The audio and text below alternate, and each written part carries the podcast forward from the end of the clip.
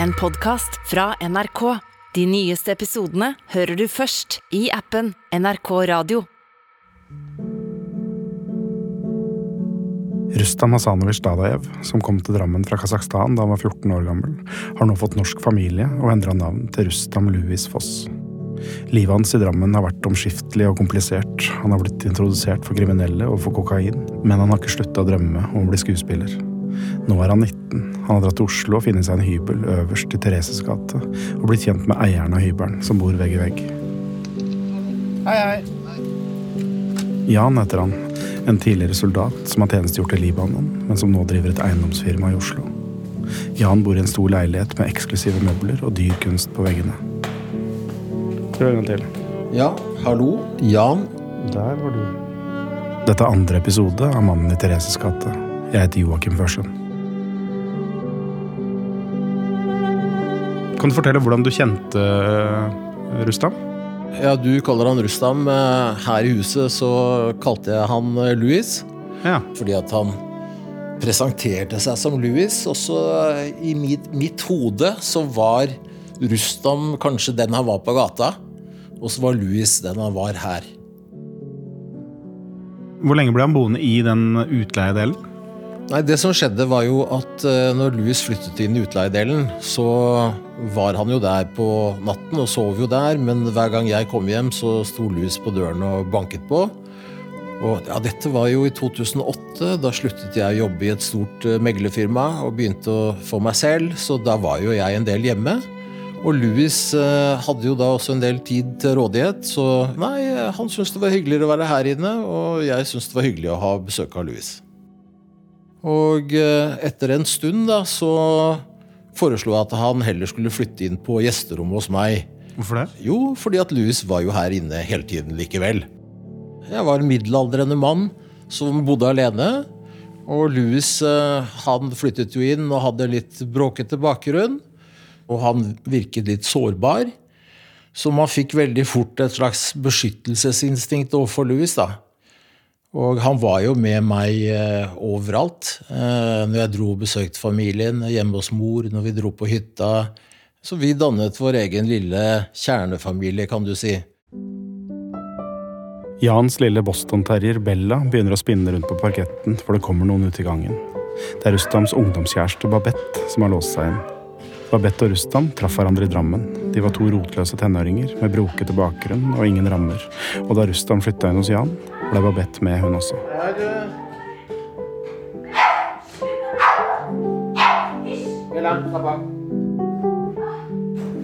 Jeg føler at jeg og Rustam begge var liksom litt sånn fortapte sjeler, da. Vi hadde liksom ikke funnet oss selv helt. Jeg så på en måte det her nesten mer som hjemmet mitt enn hvor jeg egentlig kom fra. Babette flyttet jo i realiteten inn her, hun også, så du var jo her fire dager i uken. Ja, ja, ja. Fire netter i uken og fire dager i uken. Ja, så Jan, Rustam og jeg ble som en sånn liten familie. Det var liksom Vi lagde middager sammen. Eh, vi reiste til Sverige sammen. Vi dro på båtturer. Jeg hadde jo en, en eh, båt på Aker Brygge, så Ja. på sommeren så dro vi ut og, og lå ute i fjorden. Og så den campingcruiseren hadde jo en sånn liten sånn radar hvor man kunne se hvor det er mest mulig fisk. Og Louis var jo veldig opptatt av den radaren, fordi han ville ha fisk. ikke sant? Han elsket å fiske og kunne sitte timevis i denne båten og fiske. Jeg var ikke så tålmodig som han var, så når jeg eh, var fornøyd, så fortsatte han i flere timer etterpå. Hvis det var en sommerdag, så pleide vi å ha frokost på den lille terrassen her ute. Vi snakka om våre fremtidsplaner, og Rustam som alltid liksom hadde et nytt prosjekt hver eneste uke. Kan du fortelle om noen av de prosjektene? Han ville bli kunstner, og så ville han bli profesjonell MMA-fighter, og så ville han bli skuespiller, fordi han hadde jo planer om å gå til Hollywood. Ja, Sa han det? Ja, ja. Han sa det til meg mange ganger. Han sa til meg, Babette, du og jeg skal til Hollywood. Han bare, jeg skal bli skuespiller, og du skal bli modell. og han sa jo til meg at eh, når han blir rik, så skulle han kjøpe meg verdens største diamant. Og han fridde jo til meg tre ganger, tror jeg. Men Betyr det at du ikke sa ja? Jeg sa ja, men han hadde jo ikke penger til en ring. Å, nei. Nei, og så sa du vel 'Å, hvor skal vi bo?' Ja. Og da sa han vel 'Ja, men vi kan jo bo her hos Jan'. Ja, det sa han faktisk.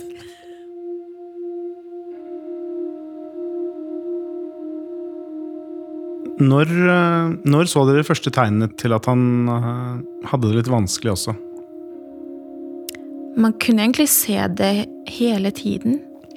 Vi oppfattet vel tidlig det, at eh, han hadde med seg et rusproblem. Det hadde jo vært en del episoder med Louis fra tidligere. Ved at det hadde vært litt sånn ja, bråk på byen og litt sånn. Han hadde jo med seg en del bagasje eh, når han kom. Hva visste du om den bagasjen da, Jan? Jeg visste jo litt om det, fordi at han hadde med seg masse bøter når han kom hit. Og jeg betalte de ellers, så måtte han ha gått i fengsel. Hva slags Så- bøter var det? Eh, Det var vel for eh, uroligheter da, på byen. Ja, Ba han deg om det, eller tilbød du det? Nei, jeg gjorde det, for han var så ung. Jeg ville ikke at han skulle gå to måneder i fengsel. Jeg skjønner. Var det mye penger? Det var litt penger. På sett og vis var dette Rustams tredje familie. Den første var den biologiske, søsknene og mora og tante Amina i Kasakhstan. Den andre var familien Foss i Drammen, som Rustam ble en del av på eget initiativ. Og så var det denne nye familien øverst i Thereses gate. Jan og Babette og Rustam, en litt uvanlig trio som prøvde å leve et vanlig liv. Men Rustam levde mange liv samtidig. Han dreiv rastløst fra miljø til miljø i Oslo. Han trente, han festa, han gikk i moskeen, og nederst på Karl Johan, i et kontorfellesskap for filmarbeidere, satt regissøren Mathias Arman Jordal og prøvde å samle alle trådene i Rustams liv til en spillefilm. Da vi begynte å jobbe sammen, så hadde han flytta til Oslo. På det tidspunktet så kjente jeg han ikke så godt. Altså, Jeg kjente jo hele livshistorien hans og, hadde på en måte et sånt Altså, vi skulle jobbe sammen-forhold. Uh, men jeg hørte jo fra han flere ganger om dagen. Han ringte eller kom innom. Jeg hadde kontor nederst i Karl Johan. Da kom han stadig vekk innom flere ganger om dagen. Hva ville han? Nei, Han ville høre hvordan det gikk, og han ville fortsette å jobbe. Og han var eh, veldig sånn ivrig, da. Altså, han var, det var, dette var veldig viktig for han. Han ville bli skuespiller. Han ville bli stjerne. Hadde han noe jobb, da? Ja, så, ja.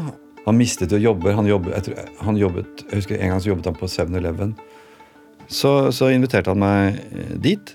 Og da kom jeg og hilste på han der. Han inviterte deg til Ja, sa kom, jeg jobber her, liksom kom, kom innom.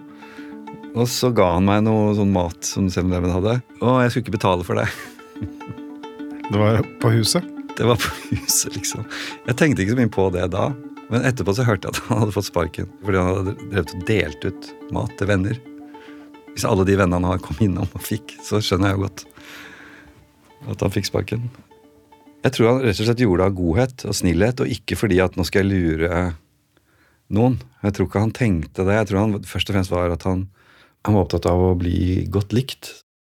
Jeg tror han gjorde, var med på mye som han kanskje egentlig ikke burde, visste at han ikke burde være med på, eller ikke skulle ha gjort. Eh, selv om han på en måte har mulighet til å gjøre en karriere som skuespiller, så hadde han allikevel Fikk jeg inntrykk av at han gjorde ting i det kriminelle miljøet, og- det var jo veldig trist, men det, det, det tror jeg er fordi at han eh, har et sånt der umettelig behov for å bli elsket, øh, eller å bli sett. Ble dere også venner? Eh, ja, vi ble venner, absolutt. Det, var han, eh, det er jo umulig å ikke bli venn med Rustam. Eh, Hvor- Hvorfor ikke? Han er så åpen. Genuint opptatt av, interessert i deg. Du betyr noe for han. Du hjelper han, på en måte. Du får føle at du hjelper han. Hva, hva gjorde dere sammen? da? Hva slags vennskap var det? Stort sett jobbet vi, men, men vi var ute Jeg ble med på byen, for eksempel, noen ganger. Vi gikk ut og festa sammen. eh, Og da eh, opplevde jeg eh, en, en sånn mer utagerende side av og til da, med han. Hva mener du? Jeg husker en gang, Det var Solli plass, en klubb der, og da husker jeg at eh, vi hadde vært der. Og så skulle vi dra derfra, og så oppsto det en eller annen situasjon hvor det var en full fyr da, på Rustam sin alder som drev og slang med kjeften eller hadde, liksom, var i bråk. Med en annen som, eh, så vidt jeg vet, ikke Rustam kjente, men han blanda seg. Det var også litt sånn typisk Rustam, at han blanda seg hvis noen bråka han skulle fikse opp. Og så husker jeg at jeg tenkte det. At han, han, han, han som på en måte var sleivete i kjeften, han som hadde startet dette, han skjønte ikke hvem han sto overfor. Så jeg tenkte bare nei, nå Jeg lurer på om jeg sa det også. Jeg tror det er lurt at du går. Bare, bare snu og gå. Til, du sa det til han andre? Ja, ja, for jeg var redd for hva som ville skje hvis Fordi når Russland snur seg mot han, så er det, da tar han han. Og jeg så at han var såpass full, eller rusa, eller hva han var, at han klarte ikke å vurdere Rustam som, som farlig. da, så han, eh, så han, begynte å yppe, og da Da slo han han ned, tror jeg. Ja, han gjorde det. Han var så sterk. Han ville aldri tapt i en slåsskamp. Det var det bildet jeg hadde av han. Mathias mottok støtte fra Norsk Filminstitutt til å utvikle manuset om Rustams liv og snart dreide handlinga seg mer om livet hans blant kriminelle i Norge enn bakgrunnen hans som flyktning. Rustam kjente flere og flere på Oslos skyggeside. Han frekventerte belasta drabantbyer, kampsportsentre og nattklubber der kokainet fløyt. Mathias ville gjerne se Rustam i disse miljøene, og derfor tok han med seg et kamera ut og begynte å filme. De to forretningsfolka som kommer hit nå, de er svindlere. De tjener penger på at folk i Sudan blir drept. Mathias har massevis av sånne opptak av Rustam som spiller en kriminell i virkelige omgivelser. Det er slåssing og stjeling og gønnere på innerrommet. Nå er jeg gira på å gå en kamp, jeg. Men... jeg tror ikke jeg skal gå med deg. De drittkjekkene der, de fortjener ingen kjærlighet. Om at de vet hvem du er. De kommer aldri å tørre å åpne kjeften sin pga. at du var sammen med meg. Skal vi sperre litt, eller? Jeg var 14. Da tjente vi minst 100 000-200 000 i uka. Men Mathias ville ikke at hovedpersonen bare skulle være kriminell. Han ville gi ham andre egenskaper også. Og fordi den virkelige Rustam var glad i å spille piano, gikk de to inn i en musikkforretning og skrudde på kamera. Rustam satte seg ned ved et stort, svart flygel og begynte å spille. Rustam forteller meg at han kan spille piano, så da putter vi inn det i et klipp. Og da går vi forbi en Liker du piano, eller? Liksom forbi en pianobutikk.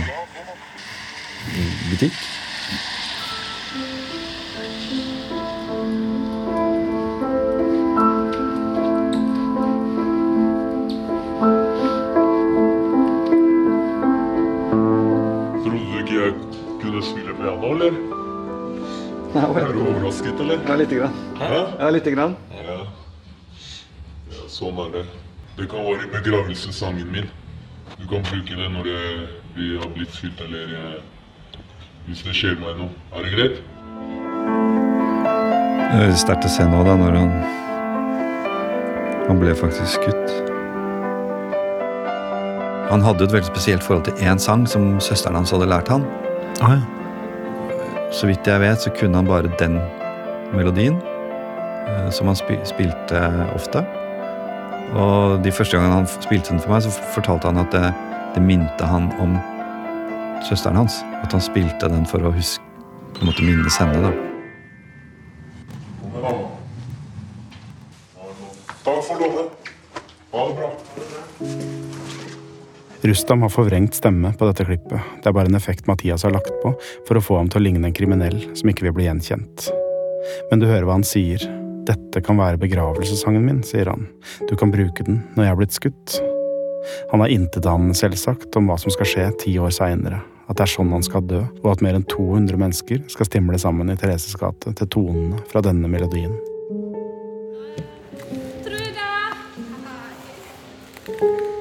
Samtidig som Rustan spilte inn disse videoene, begynte han på teaterskole i Oslo sentrum kalt Norsk Skuespillerinstitutt, eller NSKI. Der traff han Trude fra Ålesund og Line fra Trondheim. Hei, hei. Trude. Joakim. Hyggelig. Veldig hyggelig. Um, husk, husker du, Trude, første gangen du traff Rustam? Ja, eh, jeg, jeg møtte han for første gang på NSKI. Jeg tror han hadde på seg sånn Uggs. Jeg hater Uggs. Da tenkte jeg bare sånn, Nå får en flott fyr. Men så øgsa bare Er det sånne tøffelsko? Ja, vanvittig ekkelt. Eh, men, men han var så utadvendt, åpen. Vi fikk veldig fort eh, kontakt, da. Klarer du å beskrive hvordan han var da? kanskje i starten så trodde jeg at Rustam var litt enkel. Alt var liksom bare tull, og hvis man sa et eller annet sånn hvem man var, eller Så, så tulla han det alltid bort. Han var som en liten sånn klovn. Jeg husker vi hadde den cowboyforestillinga hvor um, det var sånn western-setting, da. Og så skulle i, i manuset skulle man ha en rekvisitt med en pistol. Og vi, alle vi tenkte jo ja ja, ta nå bare en vannpistol og mal den svart om det skal til. Um, det er jo bare en rekvisitt. Men dagen, etter, dagen etterpå så hadde han med sånn liten koffert. Hvorfor ler du nå? En liten sånn pistolkoffert.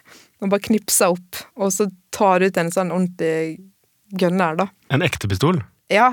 Og alle skulle kjenne på denne pistolen, for den var jo så tung. Og jeg faen, er det ekte pistol? Ja, det er ekte pistol. Og oi, hvordan har du fått tak i det?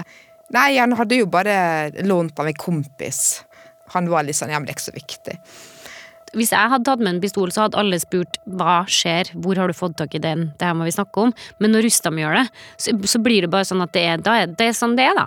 Ja. Ikke sant? Du har fått Ja. tak i en Ja, ikke sant? Og han er sånn Han bare får deg til å glemme at det her er helt off Ja. å gjøre. Han får deg til å det, Da er det liksom bare sånn. Jeg visste jo at Rustam holdt på med mye greier, men Hva mener du?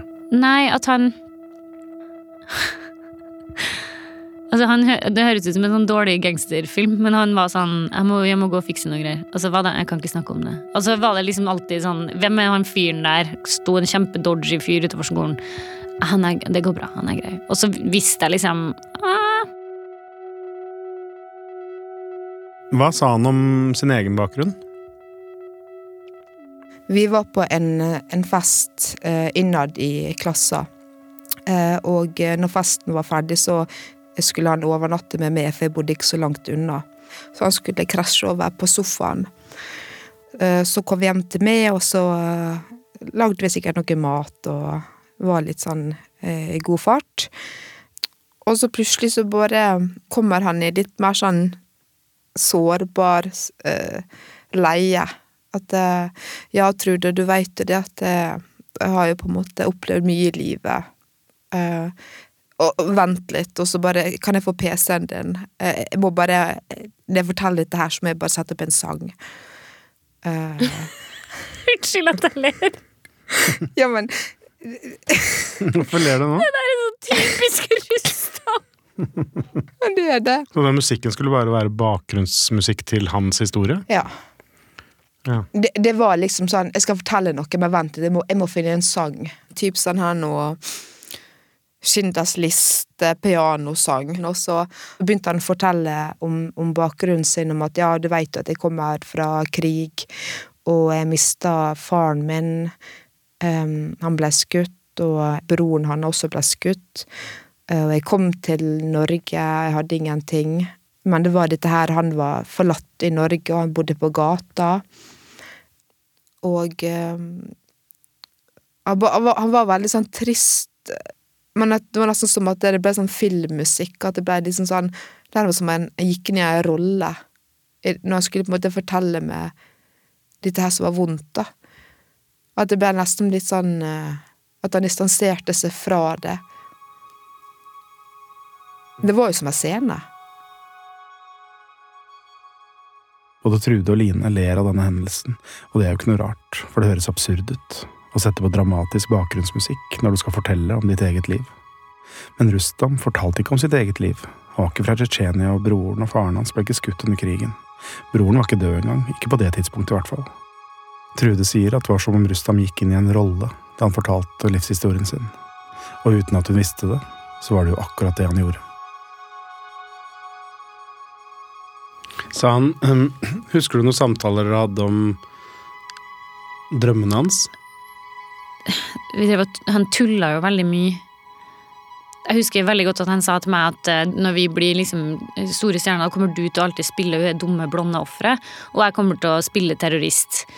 Eh, og så sier jeg men Rustam, du er jo kjempe Altså du har jo et stort spenn som skuespiller, du kommer jo ikke til å bare spille terrorist, liksom. Og da var han sånn hallo Line, jeg er fra Tsjetsjenia, altså jeg er muslim, selvfølgelig, jeg er perfekt eh, terrorist. Jeg snakker jo ikke engang perfekt norsk, ikke sant? Uh, og så var jeg sånn ja. Og han bare jo, men det her er dritbra, vi kommer bli, vi kommer til å bli så rike, ikke sant? Eh, og så var jeg sånn, ja, men Rustam, jeg ville jo ikke bare spille et sånn dumt eh, nek. Jeg ville jo også spille litt andre ting. Han bare ja, ja, men det er ferdig, liksom. Det er der du er. Sånne ting kødd. Han var drit... Jeg elska jo det. Mange av studentene som går på NSKI, bruker skolen som springbrett til Statens teaterhøgskole. Noen har søkt allerede og ikke kommet inn, andre driver og søker mens de går på skolen. Og Derfor er Teaterhøgskolen et konstant tema blant elevene. Det året jeg kom inn på NSKI, så hadde jeg vært på tredje prøve, eller den siste prøven på Teaterhøgskolen, og ikke komme inn. Og så var jeg litt sånn Ja, fy faen, det her det var så tungt, liksom, at jeg vet ikke om jeg vil gjøre det igjen. Og da var jo med en av de som var sånn Shit, men det her er jo helt fantastisk, liksom. Du har kommet til tredje prøve, du må søke igjen. Og tenker jeg sånn, ja, det er bare sånn folk sier. Og så kunne den komme igjen to måneder etterpå, så kunne den plutselig si men du må søke. Jeg sånn, på hva da? Teaterhøgskolen. Du må ikke glemme, du må ikke gi opp. Altså, han kunne komme sånn med sånn påminnere. Og da ble jeg liksom sånn at jeg liksom gjorde det igjen. Og så sa jeg, husker jeg at jeg sa en gang Men skal ikke du søke? Han bare nei, nei, ta ikke inn folk fra Tsjetsjenia, vet du. Sånne ting kunne du si. Og så sa jeg jo, men det gjør dem. Men han skjøv det bort, da. Rustam gikk på NSKI i nesten to år, og han fortsatte å ta statistroller. Han var resepsjonist på Sats i TV-serien Lillehammer.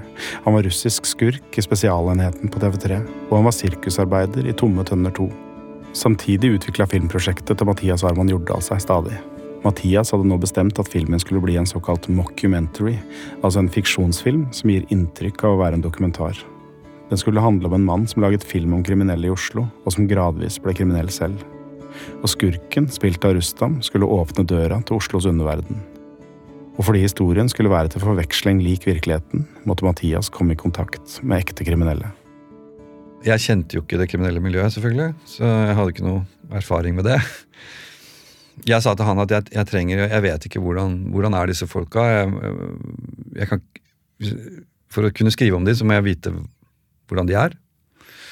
Kan vi få til noen møter? Så, så introduserte han meg til kriminelle i Oslo. Jeg, jeg, jeg pratet med mange forskjellige typer kriminelle også. Fra forskjellige miljøer. Som han kjente. De kom opp på mitt kontor og satt ned hos meg, og så satt vi og snakket. Jeg snakket med en som var visstnok boler. Han drev og deala litt, da. Uh, forskjellige ting, tror jeg. Uh, og litt pengeinnkreving. og Det var litt sånn ganske langt nede på rangstigen sånn i forhold til kriminelle, kriminelle tror jeg. Det var én, og så var det en som, uh, som hadde vært med på et drap. Et drap han ikke var dømt for? Ja. Da ble det liksom litt for mye igjen. Uh, og så var det en annen som, uh, som var uh, mer stabil og ganske mye høyere opp i systemet, og som var intelligent, da. Hva slags rolle hadde Rustam i disse møtene? Jo, han var, han var en slags sånn godk Han godkjente meg. Folk, folk, respekterte han, og hadde tillit til han, da. og han godkjente de, på en måte. Han var en slags sånn mellom en slags sånn trygghet både for meg og for de, tror jeg. Uh, og så skjønte jeg på Rustam når vi sitter og snakker og sånn, at Rustam er ikke kriminell. Fordi han er liksom mer sånn barnslig i forhold til dette enn de. De er mye mer seriøse, på en måte. Så at han er mer sånn Han syns det er gøy å være med, og litt sånn rolle får han, da. Men jeg tror ikke Altså, han holder ikke Han kunne ikke holde på en hemmelighet, tror jeg. De holdt han samtidig litt unna, da. Fordi han fikk ikke vite de fortalte han ikke ting som han ikke skulle fortelle videre, tror jeg. Mathias jobba med filmen om Rustams liv i fire år. Han skrev utallige manus, og han laga en 20 minutter lang pilot som han kalte Min venn Dada, etter Rustams opprinnelige etternavn Dadajev. Men så ble prosjektet skrinlagt. Rustams virkelige liv tok for mange brå svinger, og det var ikke mulig for Mathias å henge med på alt sammen. Og i desember i 2013 hadde Rustam sitt aller første møte med psykiatrien. Han hadde kommet hjem til Jan, rusa av alkohol og kokain. Han hadde tatt med seg en kniv inn på soverommet og låst døra. Og derfra hadde han ringt fosterfamilien sin i Drammen og sagt at han ikke ville leve lenger. Roar Foss og eldstesønnen Kristoffer kasta seg i bilen og kjørte til Oslo. Så jeg og Kristoffer dro inn da og henta han. Han så sløva ut. Han var inne på det rommet han disponerte i leiligheten til Jan. da. Vi bare på en måte hjalp han ut av rommet, ut av leiligheten og ned i bilen. Satte han i baksetet. Kristoffer og jeg foran og kjører mot Drammen. Når vi kommer til Sandvika, så prøver han, og vi ligger jo da i fartsgrensen ca. 100 km i timen, og i den farta så prøvde han å hoppe ut av bilen i fart. Så jeg får jo bråstoppa da på motorveien. Kristoffer satt seg da ved, i baksetet og holdt rundt den, da, så vi så ingen annen utvei enn å kjøre på legevakta. Visste dere hva altså Sa han noe om hva som var problemet? Nei. Fikk ikke noe fornuftig ut av han. Rustam var aggressiv da han kom på legevakta i Drammen, og den vakthavende legen ville først tvangsinnlegge ham på psykiatrisk sykehus. Men så roa han seg ned, og snart kom lillebroren Nicolas til legevakta. Så var det der jeg møtte han, da. Og da så jeg liksom en, en tomhet i blikket, da.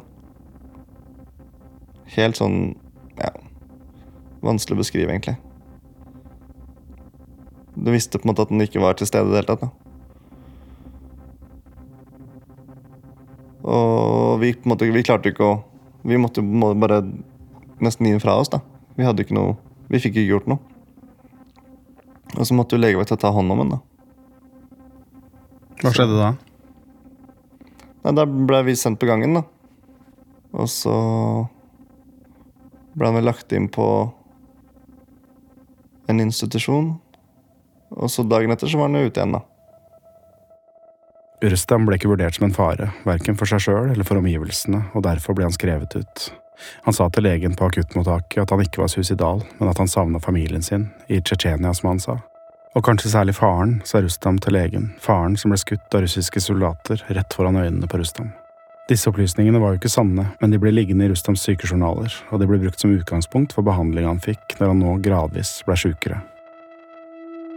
Det er nå blitt desember i 2013, og Rustams liv i Oslo er blitt komplisert. Han ruser seg altfor ofte, og Babette har flytta fra ham, og derfor ringer Rustam til Nicolas og spør om han kan flytte inn hos ham i den nye leiligheten på Åsia i Drammen. Og uten at Nicolas veit det, har Rustam en plan som skal få ham ut av alle problemene. Plutselig hadde han så veldig mye bøker. Um, mye sånne manuser og sånn som han satt og leste på. da. Så fortalte han at han hadde søkt på Teaterhøgskolen, og jeg visste ikke hva Teaterhøgskolen var engang. Og fortalte mye om Aksel Hennie og de han hadde gått der, og alle de store norske. da. Satt mye i stua og, um, og på, egentlig på, på spisestuebordet. Um, med masse notater og, og, og, bøker. Og så fortalte han en dag at han hadde vært på et sånt intervju. da. Og så hadde han da eh, tydeligvis gjort det ganske bra da på det første intervjuet. For jeg tror det var tre, tre opptak. Så, så, fortalte han at ja, første opptaket gikk kjempebra, og venta på svar. Og, og så plutselig var den videre til trinn, altså trinn to. da. Skulle da inn på en sånn opptak nummer to. Og det går jo selvfølgelig bra, det òg. Og så kommer han selvfølgelig inn på dette tredje opptaket òg. Hva sa han om det, da? Han var helt i ekstase. Og så han bare 'Vet du ikke hvor sjukt det her er? Det er jo det sjukeste'.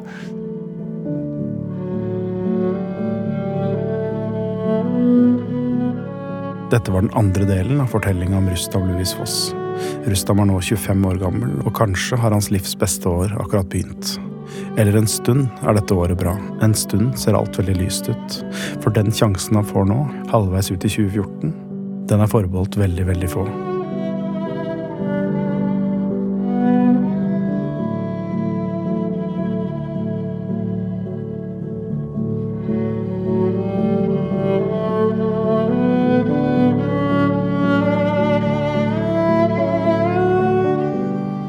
Mannen i Thereses gate er produsert av Gyldendal for NRK og er laga av Ragnhild Fangel Jamtveit og meg, Joakim Førsund. Mina Martine Lystad har gjort research, og all musikk er komponert og spilt av Olak Wernberg. Lydmiksen er gjort av Marius Ytterdal. Eksekutiv produsent i Gyldendal er Harald Ofstad Fogner, og redaktør i NRK er Miriam Minyares. Hvis du har behov for noen å snakke med om mental helse, ring 116 123.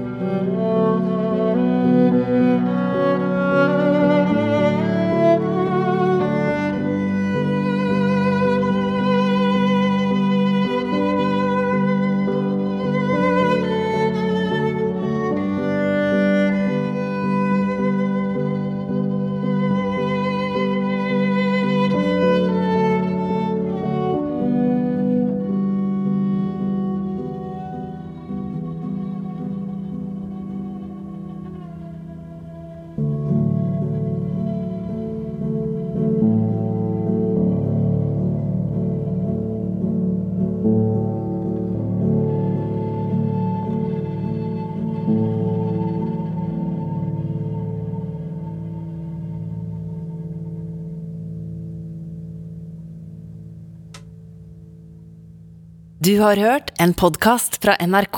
De nyeste episodene hører du først i appen NRK Radio. En podkast fra NRK. Sjåførlærer og familiefar Helge Irgens blir funnet død hjemme en sommernatt. I utgangspunktet så det ut som et helt naturlig dødsfall. Så blir Irgens obdusert. De hadde sett at lungene var litt røde, og derfor hadde han tatt en prøve eh, for å se om det var kullos. For det er typiske tegn, det er det at lungene blir rosa. Så finner politiet spor på en PC. Det var så mye. Det var hvordan smaker rottegift i kaffen, hvordan forgifte med frostvæske, hvordan kan du sprøyte inn eh, gift i blodårer. Altså, jeg søkte på, på suicide, og jeg søkte på kullos, og søkte på kill. Hvorfor ligger den personen her?